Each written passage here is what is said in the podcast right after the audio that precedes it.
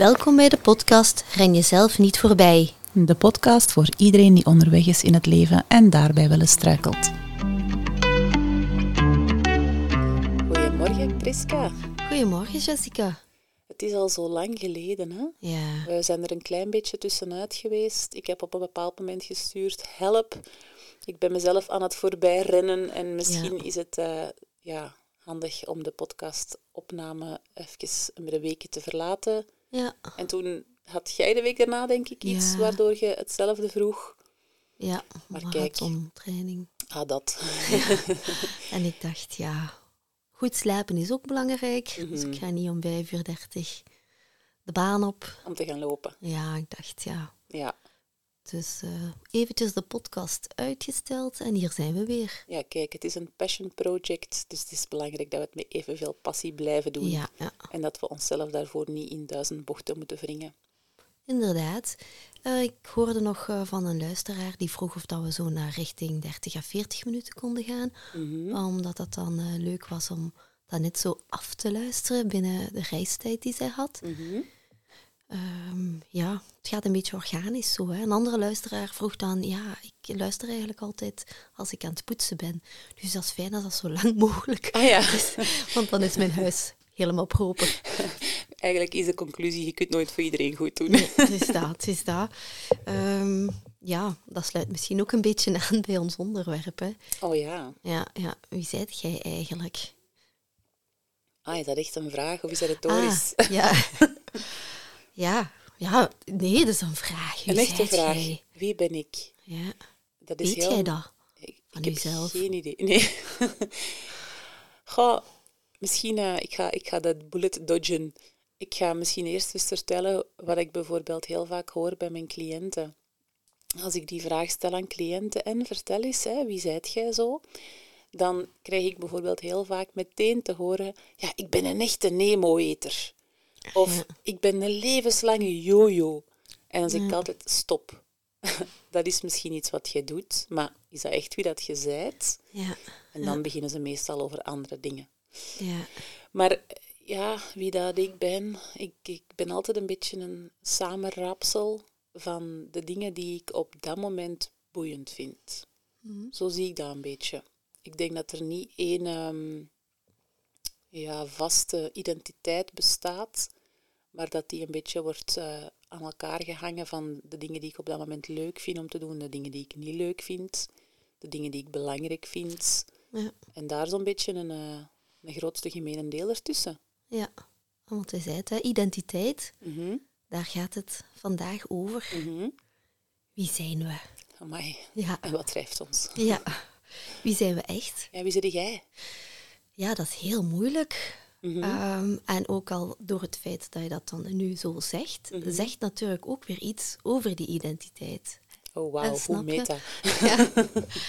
Ehm, in de zin van, ja, de- dag van vandaag worden we toch heel vaak geïdentificeerd met wat we doen, professioneel Ja. Bijvoorbeeld. Maatschappelijk ook. Ja, hè, heel belangrijk. Dat is de sociaal-economische omgeving bepaalt voor een groot stuk wie dat we zijn. Omgeving, heel belangrijk. Ehm, ja, identiteit is nooit af. Mhm. bent nooit helemaal af. En dat vind ik wel heel bevrijdend om te weten van... Oké, ik hoef niet dit te zijn. Of ehm, ja, hoe mensen mij zien. Ehm, dus Ja, want daar heb je nog een grappige anekdote over, hè? ja, ik word ehm, ja, door de collega's of toch door één bepaalde collega Die misschien nu aan het aan luisteren is. luisteren is. Zegt, ja, maar ja, jij bent zo meer een zeut. ik dacht, oh, ah ja, ik ben een zeut. Goh, ik had mezelf nu niet meteen zo gezien, eh, denk ik zo. Ik, Ja. ik zie mezelf zo eerder als ja, een beetje avontuurlijk. En ja, allee, ik spring in plassen of ik klim op bergen. Ehm, ik kan in de winter ook eh, in mijn halfnaakt eh, in, in de vijver gaan zwemmen. Ik zie dat niet direct als Ja. zeut, maar ik begrijp dan wel, denk ik, waarvan het komt. Ja, want van, heb je daarop doorgevraagd of niet? Ja, ehm, ja, ik, ik dacht zo van, eh, ja, hoe, hoe, hoe, hoe komt dat dan eigenlijk? Mhm. Ehm, en ja, ik, ik drink op dit moment niet zoveel. Ah ja, dat is heel of heel weinig, Ja. is natuurlijk heel zeutig. Alcohol bedoel je Eh, dan, hè? ja, ja, alcohol, ja. Eh, Ik ben net als jij ook een beetje een boekenworm. Ik denk dat dat dan natuurlijk al een beetje een Mm. stempel geeft. Ja, ja. Ehm, ja, wat dat er allemaal tussen de lakens gebeurt, dat gaan we hier in de podcast niet vertellen. Maar, ehm, of ook niet aan mijn collega natuurlijk. Maar eh, ja, ik denk dat daar misschien ergens zo dan een soort identiteit wordt, Ja. wordt gevormd misschien. Een door beeld anderen. eigenlijk. Een beeld, ja. Ja, ja. ja. ik heb ooit zoiets iets vergelijkbaar meegemaakt tijdens een evaluatiegesprek toen ik nog in de IT werkte. Ehm, dat mijn, ehm, ja, mijn chef zo zei van, ja, ehm, ik moet wel even zeggen dat er een aantal collega's u nogal arrogant vinden. Oh, En ik was toen echt flabbergasted, Amai, want dat was in een periode waar ik heel slecht in mijn vel zat, waar ik heel erg twijfelde over de job dat ik op dat moment deed, die die echt niet graag. Ik voelde mij ook niet goed over ja, wie ik was, of ik wist ook ja. niet wat ik dan wou en wie ik dan wou zijn en dergelijke. Ik was heel onzeker op dat moment. Dus dat was een klein beetje, ja, waarschijnlijk een soort van façade. Je wilt je onzekerheid niet tonen en daardoor Ja. komt je juist blijkbaar arrogant over. oh, ja. Ja, vond dat heel eh, moeilijk om te horen. Ja, had ik nu niet gezien. Direct, eh, nee. Ja, nee. kijk. dus ja, er kan inderdaad wel een discrepantie bestaan tussen hoe dat jij jezelf Zelf ziet ziet, ja. en hoe dat je je vervolgens gedraagt en hoe dat je daardoor dan door anderen gezien wordt. Ja, ja. ja, identiteit. Het heeft eigenlijk meer te maken met worden dan met zijn. Hmm. We worden voor een groot deel onze identiteit. In identiteit zit ook ja, identificeren. Dus al heel vroeg, en vroeger noemden we dat proces ook identificatie. Mhm. Nu wordt het mirroring genoemd. Hè. Je hebt de spiegel, omdat we weten dat die, die spiegelneuronen bestaan. Ja, je moet dat misschien wat toelichten voor de Ja. mensen die dat niet kennen. Ehm, spiegelneuronen is eigenlijk ehm, ja, alles wat dat je meekrijgt van moment dat je al geboren zit, of zelfs nog maar in de buik zit. Mhm. ehm, hoe dat er eigenlijk ehm, op jou wordt gereageerd en hoe dat jij daarop gaat spiegelen. Ja. Dus bijvoorbeeld ehm, als jouw kind heel erg bewegelijk is in de buik Mhm. eh, en zegt, amai zeg, kijk eens aan, zeg, dat gaat iets worden, zeg, Ja. dat is nogal een pittige zeg, Ja. daar gaan we toch wel nog van horen later. ja, die gaat het ver brengen. Ja, zeg, daar zit energie in. Ik kan daar ook anders op reageren en zeggen, potverdorie zeg, nu hebben we hier een ADHD'er. Ja. Eh, niet dat dat daarom eh, slecht moet zijn. Nee, maar, als je als moeder het zo interpreteert... Anders al eh, ja, gaan, gaan mee bezig zijn. Mm. Dan zeggen, oh, zeg, zit eens stil. Zij- Is die, is die nu al... Ja, dat was al in de buik zo, hè. Die Mm. kon nooit niet stilzitten. Bij ons thuis was dat vroeger ook zo. Priscilla, stop met Priscilla. springen. Ja. Dus, en dat verhaal gaat dan natuurlijk verder, want ik was altijd aan het springen, blijkbaar Ja. in de zetels, overal Ja. op en onder. Ehm, ja, je Dat krijgt... herken ik niet, allee. Nee, nee, nee. Ik ben heel rustig van aard. Ja, ja. Voor de Zeutig. rest, ja, zeutig zelfs. Mijn boekje in een hoekje. Nee, maar eh, voor een groot stuk wordt dus uw identiteit hè, door eh, de anderen bepaald. Ja, hoe dat ze op u Ja, reageren, ja, is een beetje hoe dat jij jezelf gaat zien. Ja, inderdaad. Zot eigenlijk, hè? Ja. ja. Dus we kunnen Ah. kinderen echt wel verknoeien als we niet opletten. Eh, ja, eh, onlangs dacht ik daaraan van potverdorie, we hebben het toch helemaal verkeerd gedaan. We hebben een beetje een chaotisch kind, zo'n beetje rommelig, zo wat slordig, die vergeet elke dag iets, die is altijd iets kwijt. Ehm, maar nu dat een, ja, ondertussen een zelfvervulling professie natuurlijk, want dan zegt zij al op voorhand, maar mama, je weet toch hoe ik ben? Ja, ja. Ik kan daar niks aan doen, want Kan ik daar ben niet- zo. Ik ben zo. Is Ja. dat zo? Zijt jij zo? Ja, dat is de vraag natuurlijk, hè. Ik denk, hè, want we hadden het er juist toen we een beetje op voorhand deze aflevering, waren, aflevering een beetje aan het eh, voorbereiden waren, hadden we het zo wat over ehm, DNA en in hoeverre dat dat dan bepaalt wie dat wij zijn. Mhm. En ze maken in de psychologie ook het onderscheid tussen nature en nurture. Hè. Nature is ja, uw DNA. DNA, ja. En nurture is hoe dat jij opgebracht bent, opgevoed, eh, groot geworden, door wie en in welke omgeving. En ja, ik denk dat onze identiteit door een combinatie van de twee wordt bepaald. Ja. Ik weet eigenlijk niet of daar cijfers over zijn van hoeveel procent is, is nature en hoeveel is nurture, maar ze zien bijvoorbeeld wel dat iemand die geadopteerd wordt en die in een totaal andere cultuur, in een ander land opgroeit, dat hij toch meer uh, eigenschappen zal vertonen en kenmerken zal vertonen van waar die opgegroeid is dan van het land van herkomst. Ja, het is soms heel moeilijk hè, als ze dan teruggaan naar mm. hun roots, dat ze dat dan niet herkennen. Nee, natuurlijk. Hè. Zij kunnen zich er niet in herkennen en men herkent hen daar ook niet in. Nee, ja. Dus dan zijn ze overal een vreemde eend in de bijt, zo gezegd. Ja, ja. ja. ja dus uh, ja, het is natuurlijk, ja, je hebt een set die je meekrijgt. Mm -hmm. En Ehm, ja, als, als het gaat over levensstijl, dan is er zo'n beetje een quote die zegt: Your DNA loads the gun, but your lifestyle pulls the trigger. En dat gaat hem ah. dan bijvoorbeeld over. Hè, je kunt wel een genetische aanleg hebben om bijvoorbeeld meer kans te hebben op het ontwikkelen van diabetes type 2. Maar het is toch wel vooral je levensstijl die doorslaggevend is. Maar ik denk dat dat in dit geval ook wel wat opgaat. Ja, je kunt een beetje een aanleg hebben om uh, bijvoorbeeld neurologisch wat kenmerken te hebben van autisme of, of ADHD. Maar ik mhm. denk dat bijvoorbeeld hoe dat er met u omgegaan wordt, toch ook wel enorm veel bepaalt. Ja, ja. Dus DNA loads the gun en the lifestyle pulls the trigger. Dat was mooi gezegd. Mhm. Ja. Oké, dus uh, ja, we hebben het gehad over die identiteit, identificatie. Mm het eigenlijk voor een stukje samenvallen met ja, de ander of de omgeving of uw ouders. Mm Langs de andere kant is er nog een ander proces, het proces van de autonomie. Mhm. Eh, dat is heel interessant. Ik ben twee en ik zeg nee. Daar begint het al.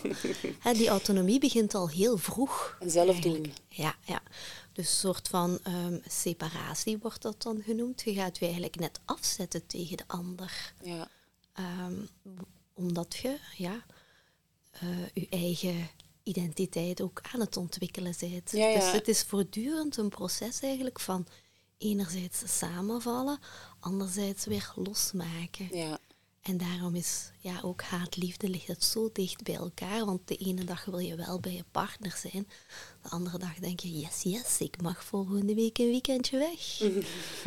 uit het leven gegrepen. uit het leven gegrepen, inderdaad. Um, en dat gevoel dat je soms kan hebben, van ehm, dat iemand zo onder uw vel kan kruipen. Mm. Zo, dat is normaal.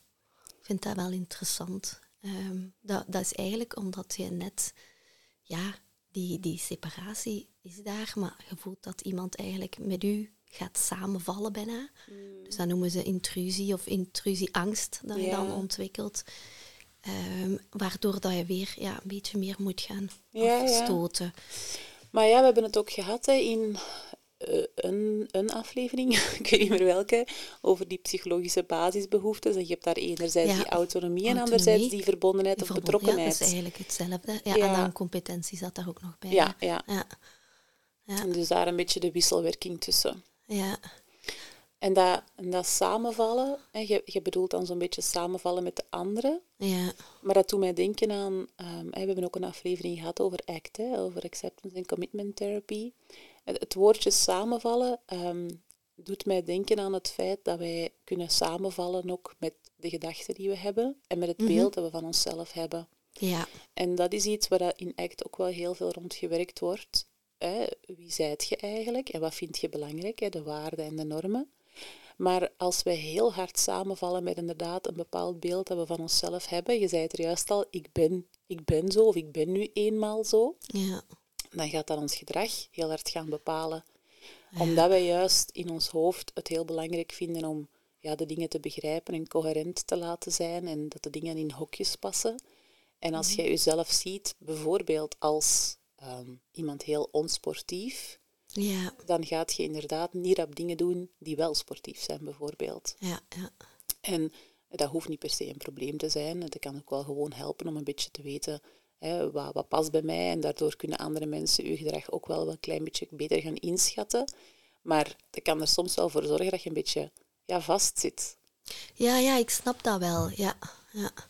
Inderdaad, op den duur gaat je ja, jezelf gewoon in dat hokje altijd gaan Ja. zien van, ah ja, ik ben die loempe, ik ben weer gevallen. Ja, ja dat is dan hè, wat we zeggen, classic Priska-verhaal. Ja. typisch Jessica Ja, weer. typisch. Typisch. Ik ben weer iets vergeten, Ja. ik ben weer iets kwijt. ik ben er niet geslaagd om mijn toiletzak te vergeten in Centerparks. Is dat zo? Zijn we zo?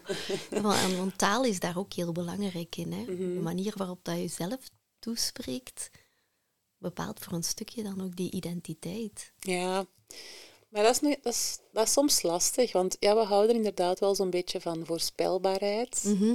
En we hebben zo altijd wel een beetje een confirmation bias, Ja, waarin dat we ja. ja. zo de bewijzen die aantonen dat het zo is, heel Ja. hard zien. Ja, je, je ziet jezelf op een bepaalde manier en alles wat dat daar inderdaad in die richting wijst, Gaat daarin passen. past daarin. Ja, en ja, wat dat ja. daar niet in past, dat negeren we. filteren we weg, hebben we niet in het snotje. Ja, ja. Gek eigenlijk hoe dat, dat werkt. Ja. Ehm, ja. Dus onze omgeving die speelt toch wel een hele belangrijke rol. Mhm. Dus niet alleen ja, hoe wij onszelf toespreken, maar ook eh, hoe de anderen ons zien en Mhm. ons toespreken.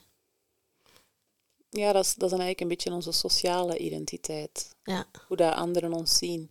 Ik was daar ehm, een beetje research rond aan het doen. Hè. Toen eh, dat we beslist hadden dat deze aflevering Ja. over identiteit ging, was ik daar wat over aan het lezen geweest. En ik kwam een, ehm, een test tegen op de website van het Psychologie-magazine. aha. Dat is een gratis testje dat je kunt invullen Ja. om een beetje oh, te weten... kunnen we de link in de show notes Ja. zetten. En dat is een test om een beetje te weten ehm, wat dat je identiteit eigenlijk bepaalt. En die is gebaseerd op ehm, een Amerikaanse psycholoog, Jonathan Creek. Mhm. Die zegt dat de kenmerken van iemand zijn identiteit eigenlijk kunnen worden ingedeeld in vier categorieën. Aha. Je hebt enerzijds je persoonlijke identiteit. En dat gaat hem over wat zijn uw ja, persoonlijke kenmerken, bepaalde verdiensten. Hè. Ehm, een voorbeeld dat gegeven wordt van hey, ik ben creatief, ik ben vriendelijk, ik ben rechtvaardig. Ja, ja. Dat hangt weer heel hard samen met die waarden. Hè, omdat je dat belangrijk vindt om rechtvaardig te zijn. Hè. Mhm. Ehm, of ook waar je goed in bent, bijvoorbeeld. En dan zegt hij, ehm, soms kan het zijn dat je sociale identiteit meer gaat doorwegen. Hè, hoe dat jij je presenteert aan de, de buitenwereld, je rol in de maatschappij. Ja. En dat gaat dan inderdaad vaak over een bepaalde job. Maar Ja. soms ook mensen die bijvoorbeeld politiek betrokken zijn, dat soort dingen. Ehm, dan heb je je collectieve identiteit of je culturele identiteit. Ehm, Ja. En dat is in sommige culturen veel sterker aanwezig dan bijvoorbeeld hier, denk ik. Ah, ja. Alhoewel je bijvoorbeeld wel van die typische dingen hebt. Hè. Hollanders zijn gierig, Vlamingen zijn bescheiden, Ja, ja. al dat soort dingen. Nu, dat, dat speelt veel minder eh, door de globalisering. Zo, Ook. hè. Dus vroeger had je ook de typische, de typische moppen daar rond. Mm. Maar ik vind dat dat... Ja, die, dat soort van identiteiten die zijn een beetje aan het vervagen. Zo van, Mm.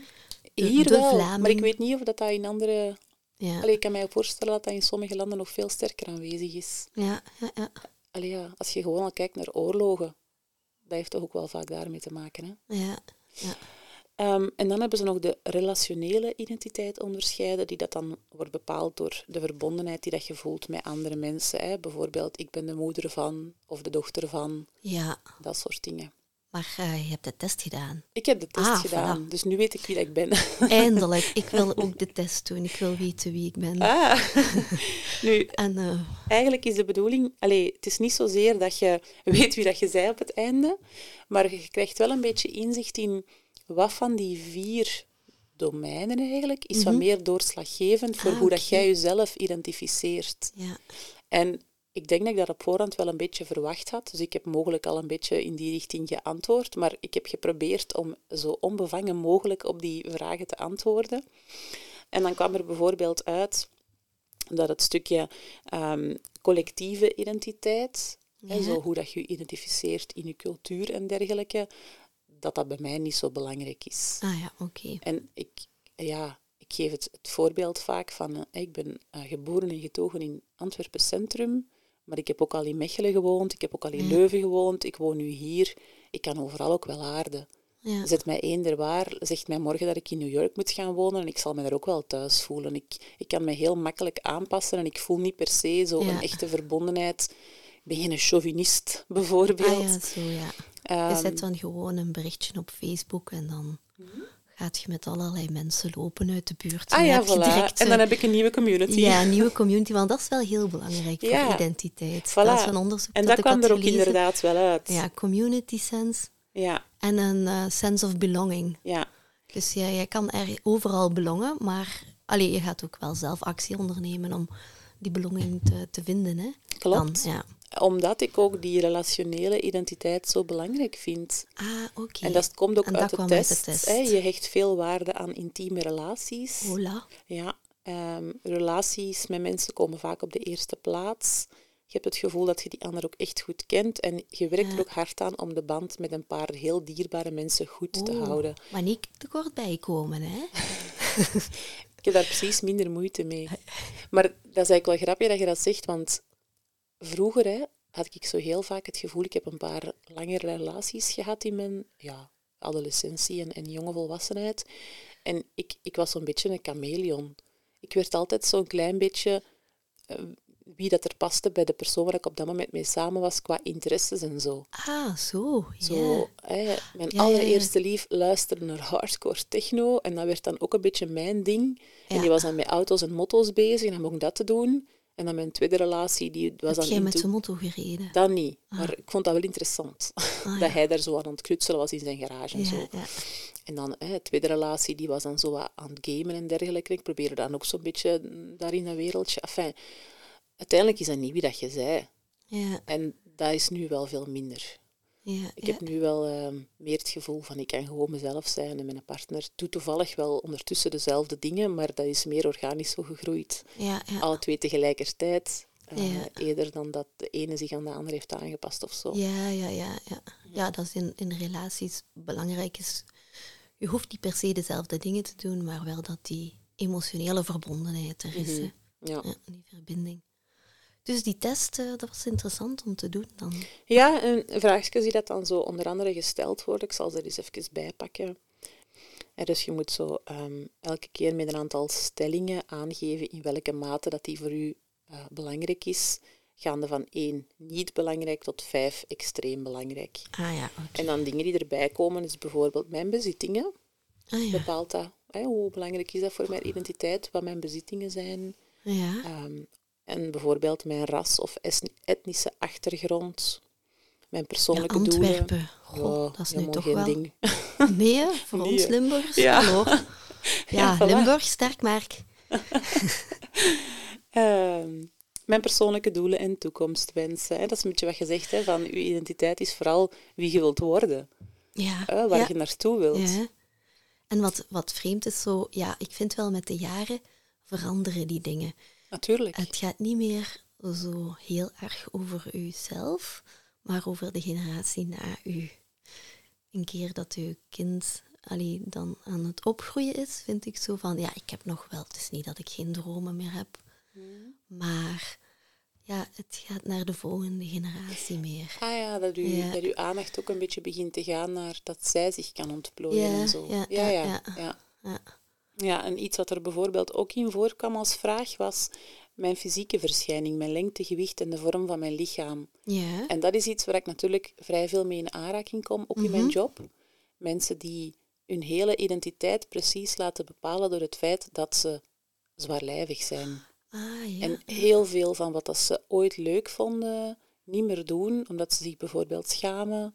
Ja. Of, of die hun dromen en, en wensen uitstellen tot wanneer ze misschien ooit eens slank zijn.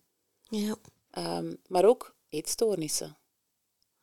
Ehm, ik heb ooit een bijscholing gevolgd over de rol van identiteit bij eetstoornissen. En ja, heel vaak komt het erop neer dat een van de redenen waarom de eetstoornissen soms ontwikkelden, hè, is bij, bij jonge meisjes bijvoorbeeld, is een zoektocht naar die identiteit, een zoektocht naar die autonomie, ja. een zoektocht in waar ben ik goed in. En wanneer dat je dat allemaal niet goed weet, dan is een fysieke verschijningsvorm een dankbare bliksemafleider om je mee te gaan bezighouden. Want ja, dat is natuurlijk een uiterlijk kenmerk waardoor mensen u op een bepaalde manier zien en misschien ook allerlei karaktereigenschappen zich eraan gaan toeschrijven. ja. Zeker in, in deze maatschappij waarin er toch wel het is aan het verbeteren, maar er is nog altijd wel een schoonheidsideaal. En hè, zo de, de connotaties van slanke mensen zijn succesvoller Ja. en dikke mensen zijn eh, lui. En, en welke vooroordelen dat er Ja, daar een ja, beetje bij komen kijken. ja, dus lichaamsbeeld en, en identiteit ook wel een belangrijk gegeven. Inderdaad, want nu hebben we het tot hiertoe enkel maar gehad over identiteit in de zin van ja, persoonlijkheid, karakter, omgevingsfactoren, Ja. Maar niet over het lichaamsbeeld. Ja, maar ja, dat is ook Hoe iets... zie je jezelf in de spiegel? Ja, en, en zo de stereotypen, hè. De, Ja. de villains in Disney-films zijn bijna altijd dikke mensen. Ja, Terwijl de, de helden gespierd en slank Ja, zijn. ja. Dat is iets wat heel hard opvalt. En dat is in deze cultuur zo, want natuurlijk, inderdaad, er zijn landen waarin dat overgewicht nog altijd bejubeld wordt, hè, want dat is een teken van welvaart. Dus dan zie je ook wel een beetje dat dat toch ergens nog wel wat gaat bepaald worden door de cultuur waarin dat geleefd. Hè.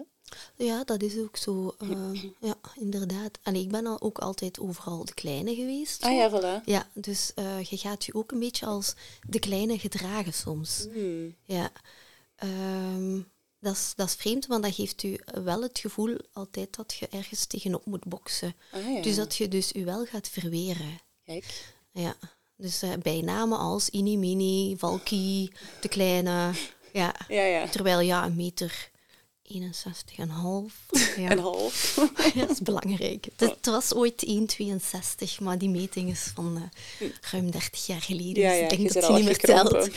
Maar ehm, en je ziet het ook bij kleine diertjes. Mhm. Eh, ehm, die hebben ook een neiging als die, ja, eigenlijk onze snoethier of andere kleine eh tekkeltjes of zo, de neiging om zich ja, sneller te gaan verweren of groter te willen maken, Mhm. omdat ja, de wereld rondom hun ook zoveel groter is. Ja. Dat zij daar ja, een beetje als inimini Mhm. in staan. Zo. Ehm, dus dat, dat bepaalt ook voor een stuk wel uw identiteit. Zo. Ja.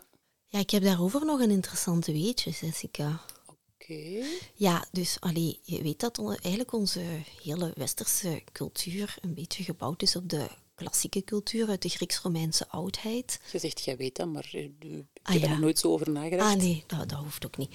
Eh, maar dus, ehm, ja, daar was ook wel een esthetisch ideaal in de oudheid.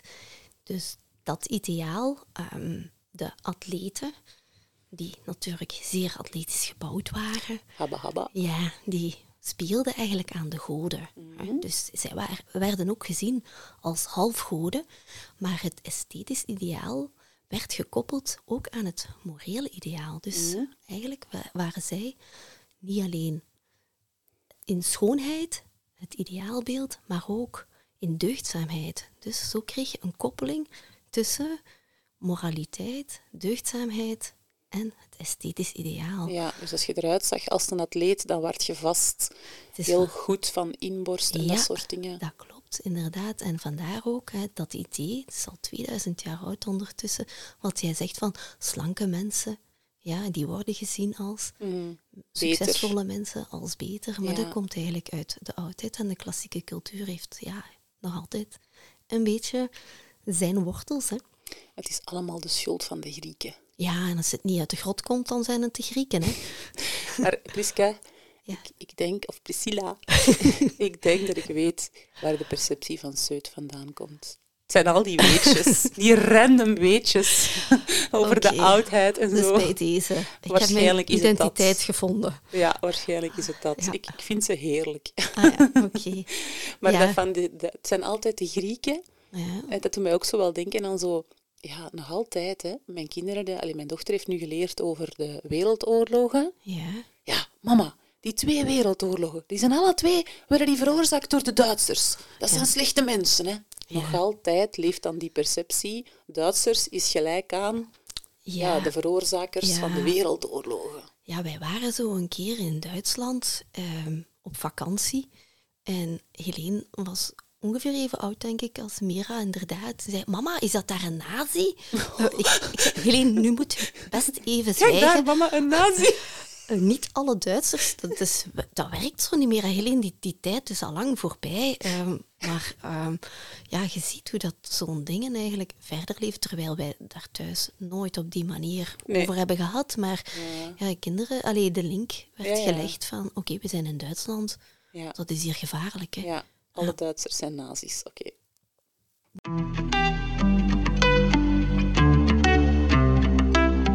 Ja, en de dingen die je meegemaakt hebt.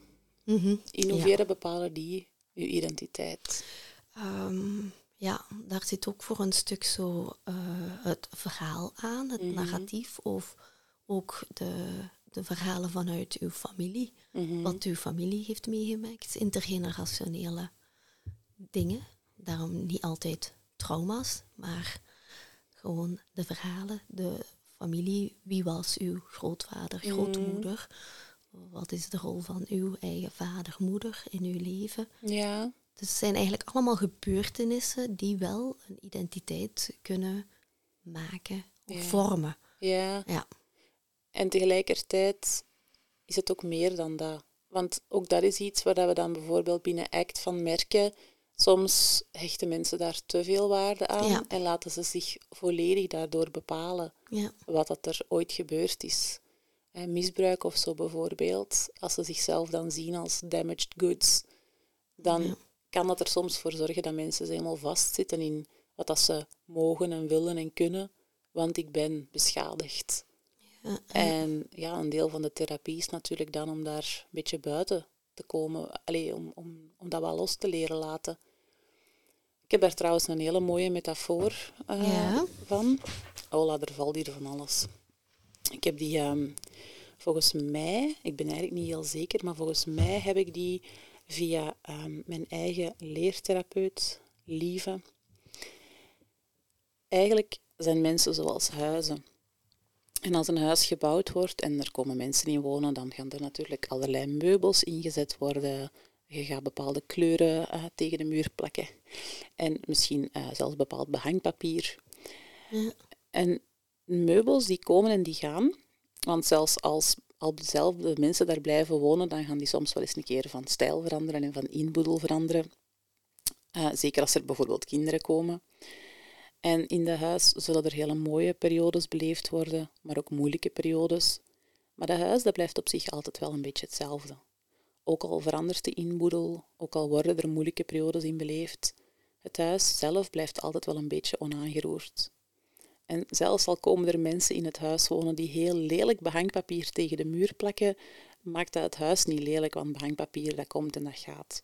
En eigenlijk kun je jezelf ook zien als zo'n huis, waarbij dat alle ervaringen die dat je hebt komen, maar ook weer kunnen gaan. En die gaan u niet permanent beschadigen en die gaan ook niet veranderen aan wie dat jij werkelijk zijt. Want wanneer dat die slechte ervaringen voorbij zijn, dan zijt jij er nog altijd en hoeft dat niet te betekenen dat er echt iets veranderd is aan u. ja, Ik vind dat, ik vind dat wel een hele mooie. ja, inderdaad. Hij zo ehm, gewoon het, ook het, het gevoel van, ja, het hoeft nooit af te zijn. Het zal altijd blijven veranderen. Ja, En er kunnen inderdaad moeilijke dingen gebeuren, maar die gaan ook weer voorbij. En dat heeft niet per se iets veranderd. Tenzij dat, dat, dat je dat laat gebeuren. Dat is het probleem een Ja. beetje. Ja, dat maakt het ook gemakkelijker om gewoon, ehm, ja, vaak hebben mensen, ik zal het zo zeggen, een, een groot doel of zo. Als ik dat, dan zal eindelijk alles in orde zijn. Als ik ik die af. job heb, of als ik die marathon heb gelopen, of als ik, Ja, ja. hè, dan gaat alles eindelijk, en het hoeft nooit af te zijn. Het is wel zo'n gevoel van, ja, ik, ja, dat is ook iets wat ik vaak gebruik van, ja, ook al zijt je onderweg, je zijt er al. Ja, ja, ja. Dat is we eerst ergens staat. Hè. Je bent er je al. bent er al, ja. Mm, Dat vind ik, ja, net zoals een huis, inderdaad. mm. En belangrijk zijn dan wel de stevige fundamenten. Ja, Ja. ja. En ja, als die er inderdaad op een of andere manier in je kindertijd of zo niet gelegd zijn geweest, het is ook nooit te laat. Mhm. Die kunnen er alsnog wel komen door de relaties die je nu gaat en door zelfontwikkeling en zelfgroei en dergelijke, persoonlijke groei.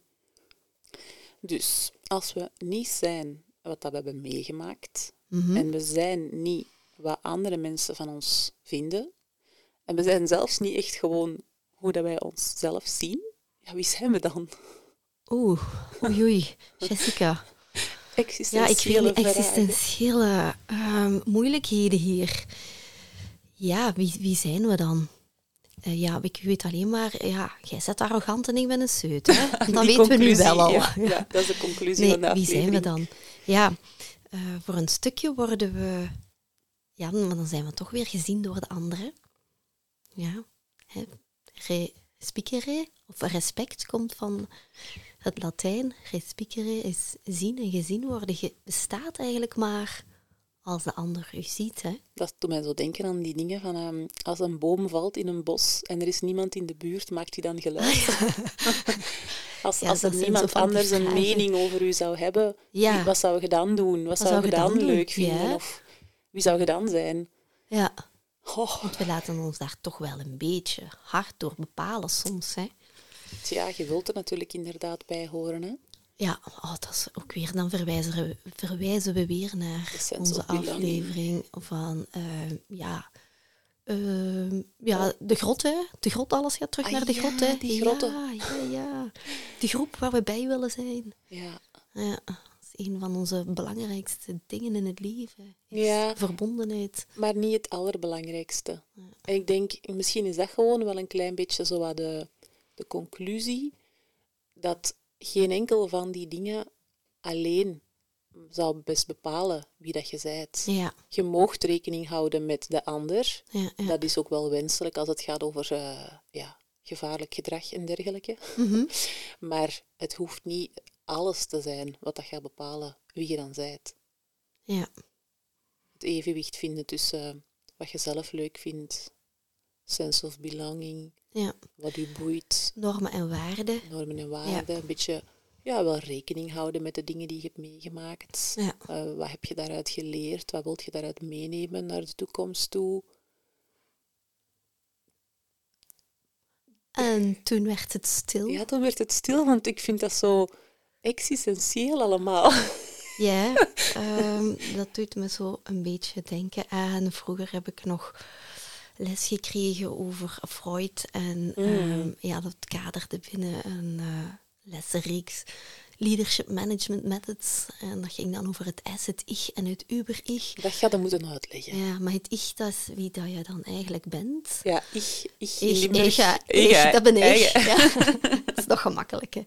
Het uber-ich is eigenlijk alles wat die normen en waarden zijn en het maatschappelijke ook. Hè. Hoe dat, dat eigenlijk voor een stukje die ik gaat bepalen. Mhm. Het uber-ich. ehm, en hoe dat wij eh, door de ander dan gezien worden. Mhm.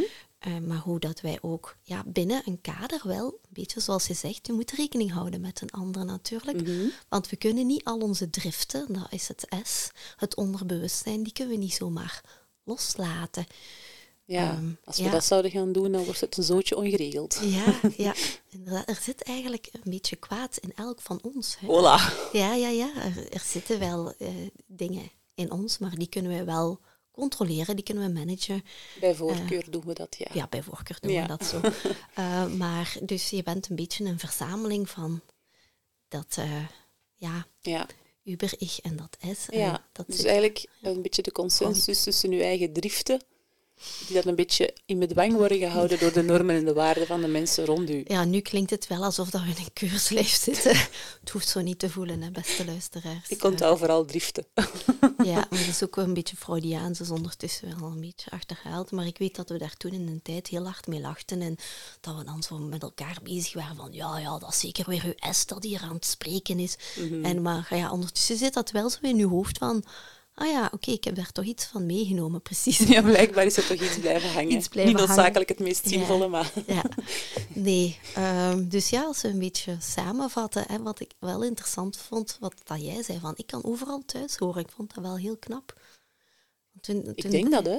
Misschien is dat niet, hè, maar ik heb zo dat gevoel Ja. wel. Allee, ik heb nu tegenwoordig, ik had vroeger misschien dat gevoel, maar nu denk ik zo van, deze boom die verplant ik niet meer.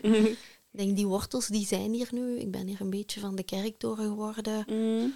Ehm campanilismo, hè, noemen ze dat. En wat mooi. De campanili is eigenlijk de, de kerktoren in Italië. En dat is zo'n verzamelnaam voor ja, onder de kerktoren. Ja, ja. Een beetje zo kerktorenmentaliteit. Ja.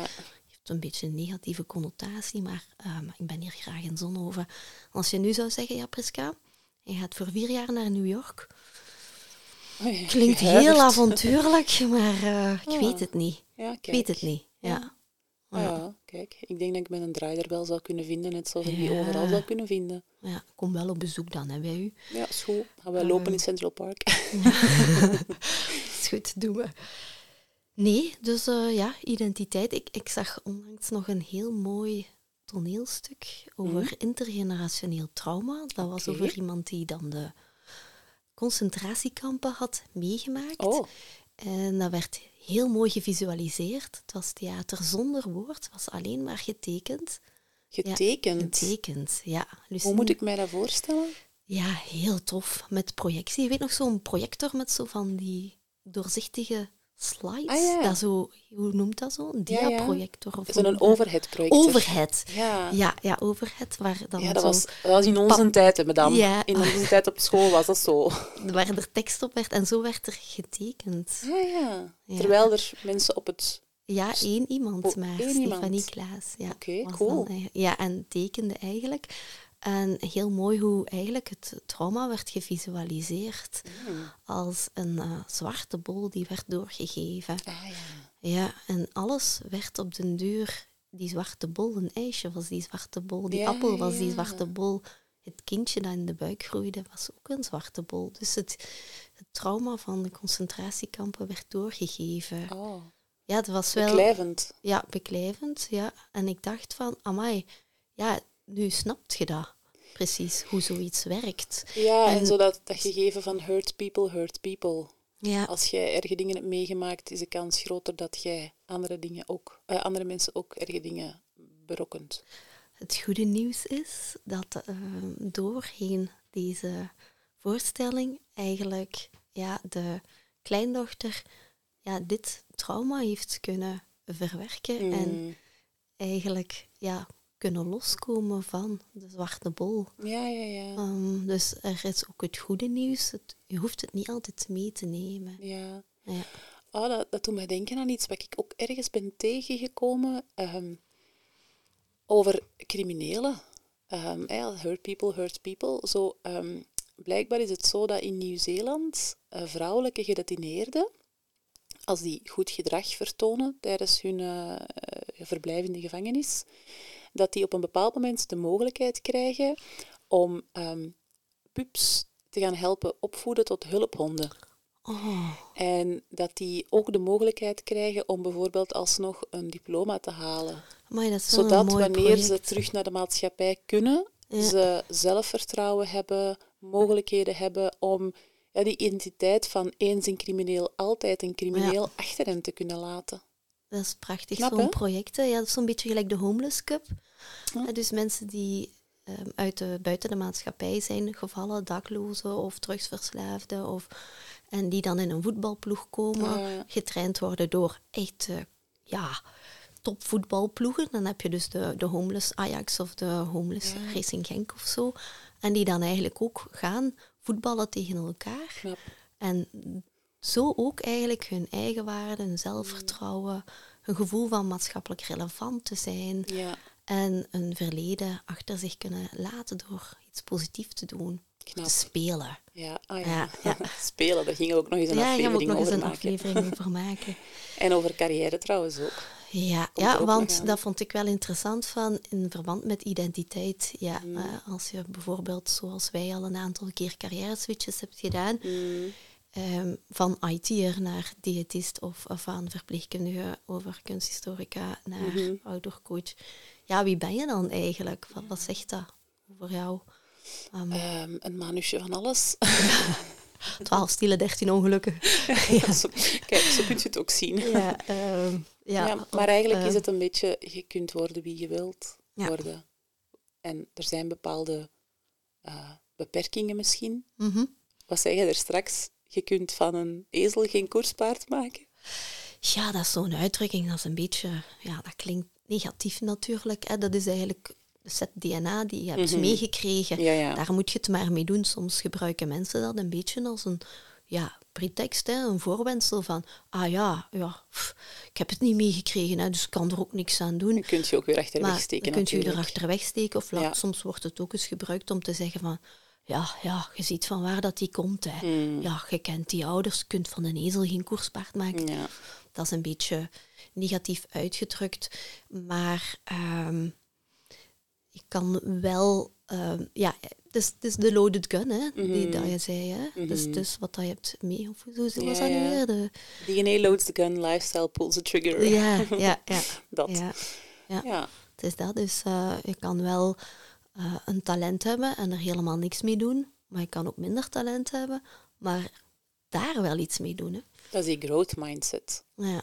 Waarbij dat je een beetje ja. ervan uitgaat. In plaats van de fixed mindset. Ja, het is niet per se talent, maar effort die gaat bepalen hoe goed je in iets wordt. ja. Ja. Dus, Hebben we eh, een eh, soort van afsluitende boodschap voor onze luisteraars? Ja, die hebben we.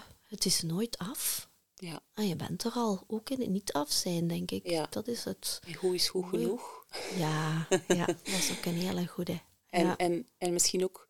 Eigenlijk hebben we heel veel boodschappen, denk ik. Ik denk ook het stukje, we doen allemaal maar wat. ja. Niemand Dat- weet eigenlijk heel goed wie dat hem is. ja. En dat hoeft ook niet. Nee. Dat is ook niet zo belangrijk. Doe vooral wat dat je tof vindt. En doen wat werkt. En je, je moogt experimenteren, je moogt bepaalde dingen uitproberen, je moogt carrière switches maken. Dat doet er allemaal niet zo heel veel toe in the grand scheme of things.